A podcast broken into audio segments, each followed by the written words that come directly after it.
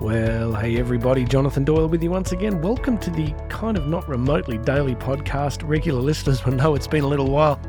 I've had a uh, quite a few adventures around the world. If you follow me on Instagram at jdoylespeaks, you'll know that I've been in uh, where was I? Dallas and St. Louis, and speaking in Oklahoma City, and then back into Dallas, and then a wonderful 18 and a half hour flight from Dallas Fort Worth back into Melbourne and uh, I'm heading back in a few weeks. I think this time I'm doing California and Ohio and uh, Louisiana and uh, somewhere else too. Uh, Karen showed me the itinerary the other day for this trip to back to the States for another speaking tour. And I think my first flight, check this out, is from Canberra, where we live, Canberra to Sydney, Sydney to Los Angeles, Los Angeles to Chicago, Chicago to Pittsburgh, and then a one hour limo transfer uh, to the hotel. it's in a single day. Canberra, Sydney, Sydney, LA, LA, Chicago, Chicago, Pittsburgh. And uh, it's exciting. I just, um, I'm actually really making sure my fitness is good at the moment. I've been training pretty hard just to make sure that when I get back on that plane, I can endure this next few weeks. But uh, really exciting to be back speaking again and uh, so many great memories of the trip that we just finished and looking forward to the next one. Now, uh, if you are a new listener or uh, you haven't subscribed, please subscribe to the podcast. It does make a big difference. So please hit that subscribe button. And if you like what you hear today, it'd be a great blessing if you could share this with friends and family because really why I do this is I like to help people. I like to see people flourish. I like to see people grow. And a lot of times in life, sometimes it just takes one or two key ideas, things that we hadn't thought of before that can make a huge difference. So what I want to talk about today is this issue of self sabotage. I've been reading something. I, was uh, we've moved into a fantastic new office, and I was moving stuff out of one of my other offices, and I saw this book, and and this is kind of how God works with me. He sort of put something on my mind that just keeps recurring, and I kept having this feeling that I should uh, I should read this book. I should make sure that I um, get a hold of this book and I'll try and bring it in tomorrow to the studio so I can tell you who it's by in the title because I can't quite remember. But had a big effect on me this issue of self sabotage. I remember a while ago I was coaching a uh, a senior, really senior executive CEO of a huge industry organization that um, you know has a budget in the billions, and talking to this person about self sabotage. And if you met them, you would just be amazed. You go, you cannot be serious that you struggle with self sabotage. And uh, this person was struggling with self sabotage and imposter syndrome and didn't feel they belonged there and were worried that they were undermining their own success. So that's what we want to talk about today. We want to talk about this issue of self sabotage. Now, you might be listening going, Jonathan, I never do that. Why would anybody do that? Why would anybody sabotage their own success? Isn't that a great question? It's a very important question because we do it all the time. And you, uh, if you don't agree, you can prove it simply just through the outcomes that we see people produce let's let's talk about you. Let's think of an area in your life where there is some outcome that you really clearly want, right? There's something that you want to have happen in your life. It could be you want to lose weight, it could be you want to get fitter, it could be you want to make more money, it could be you want to get promoted in your career. Uh, any number of different possibilities about what's important for you. But what you might observe over time isn't that no matter what you think about it, no matter what you write down, you may not be where you want to be or you may lose a few kilos and then end up putting more on. You know, I remember a few years ago I was training for ultra marathons and my I got my weight way down. And it's funny how, you know, you can quite easily end up going back to where you were really fast, right? We've all been there probably, unless we've got amazing genetics. Most of us can have this battle, or it could be in career or in relationships. And, you, you know, you, you, you don't want to be in conflict, but you're in conflict.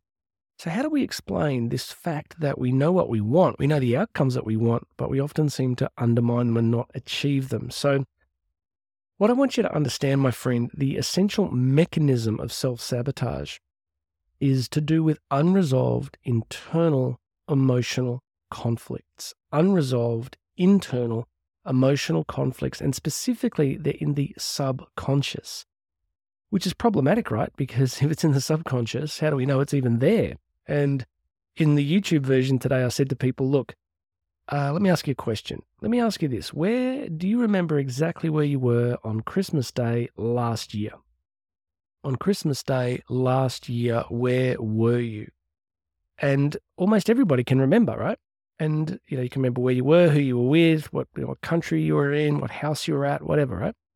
So the question, next question, important question is, where was that memory before I asked you the question?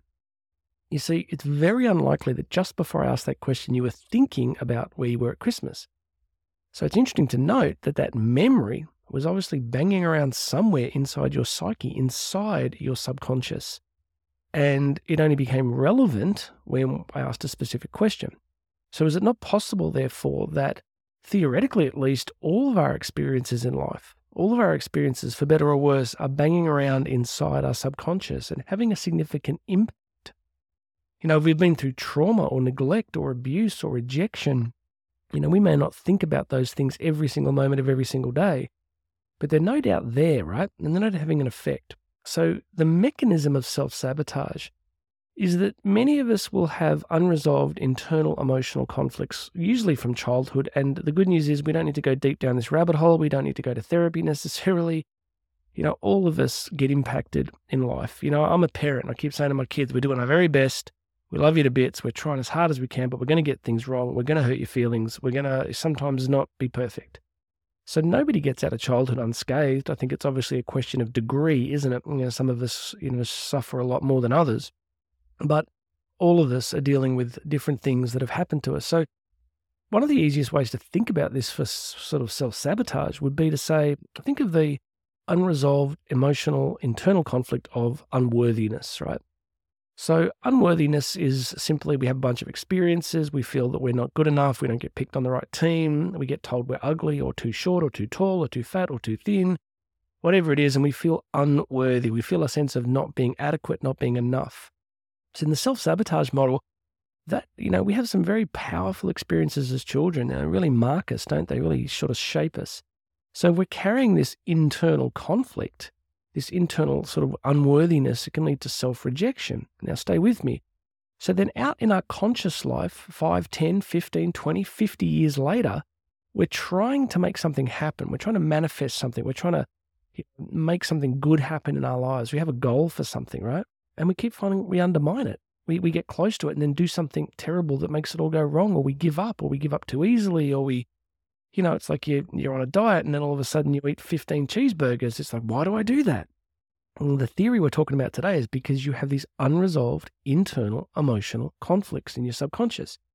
So in your subconscious, your subconscious goes, Hey, you're unworthy. You're unworthy. You can't have good things because you deeply believe you are unworthy. And so, no matter what you're trying to create in your outside life, you carry this internal unworthiness and the theory of self sabotage just goes that you're going to keep experiencing the negative outcomes until we deal with the unresolved and we resolve this internal emotional conflict. So, if that's the mechanism, the obvious question is that, well, okay, Jonathan, that's a little depressing, but what do we do? How do we deal with this? I want to give you a great quote from Carl Jung. It's a very powerful one. It's uh, something I've been thinking about for years. He said, Until you make the unconscious conscious, it will run your life and you will call it fate. Until you make the unconscious conscious, it will run your life and you will call it fate. That is a profound thing. And Jung was just an absolute beast, or he's an absolute giant of psychotherapy. So you can see in this idea from Carl Jung that that until these things are brought into the light, they are going to basically dictate the terms of our life. And we're just going to look at our lives and say, well, that's just how it is. That's just fate. That's just no matter what I do, this is how things go. So how do you make the unconscious conscious? I want to just offer us you what I did last week. And I'm going to remember to bring this book in tomorrow and give you that. So you might want to read that. But you need three things. I call them the three S's silence, stillness, and solitude. You put them in any order. You can have solitude leading to silence and stillness, but you need the three S's silence, stillness, and solitude is it just possible that the reason self sabotage is such a big thing is because we live in such a manic, frenetic, busy, overloaded, overwhelmed culture, especially digitally, that it is very difficult for us to get the silence and the solitude and the stillness that we need to make the unconscious conscious. So, if you want to make some changes here, you're going to have to be very conscious, very deliberate, very purposeful about creating the space and the stillness and the time in your life that you need to actually uh, make the unconscious conscious. So last week, everybody went out during the day, and I had like five hours to myself. Karen took the kids out to visit some people um, a fairly long way away. And so I was reading this book and I'm sitting in the sun. Got this beautiful part of the house. It's very beautiful, very quiet. And all our windows are kind of double or triple glazed. So it's really quiet. And the sun was coming through. And I literally just sat on the couch and read this book and thought and then journaled. I thought and then journaled. And one of the most helpful things was the questions that the book was giving me. So the questions were, you know, I'm sorry I'm not doing this justice today because I, don't have the book in front of me, but they, the questions really unlocked um, this pathway to the unconscious. This, these questions helped to shape this exploration of the unconscious so we could make it more conscious. So, what I did was to just allow myself to think, just to actually read some questions and, and then write. And the questions are things like, um, what are the most important things that you really want in your life? You know, what are the things that are really important to you, but you don't currently have? Could be relational or financial, whatever, it doesn't matter. And you write these down and then it says, you know, why is it that you don't have them? And then you just start writing out of the silence and you start to be honest with yourself. You start to go, well, and it's amazing what you write. And you'll end up discovering some forms of unresolved internal emotional conflicts. This isn't about blame. This isn't about, you know, then getting all angry necessarily and, you know, blaming people who maybe uh, died many years ago. It's about just recognizing these deepest beliefs about ourselves because until we can see them, we're not changing them. So I want to encourage you to start doing this work. If there's any area of your life where you want to grow more, where you're not where you want to be, then I would offer you today that the path is somewhere in this area, these unresolved internal emotional conflicts in the subconscious. And until we make the unconscious conscious, it's going to run our lives and we're all going to call it fate. And we don't want to do that anymore. If you listen to this kind of material, it's because you want to get very conscious about what it is that you're doing so that you can love people more. I mean, the purpose of living fully, of achieving, is because you'll be happier and you can just do more for others and enjoy your life more and be a blessing to the people around you. That's the purpose, right? Okay, that is enough for today. Hopefully, I've just put the idea on your radar and it's an important one. So, I would love you to subscribe to the podcast so you can follow up with me next few days as we go deeper into this. And uh, come follow me on Instagram. I am at J Doyle Speaks. J Doyle Speaks.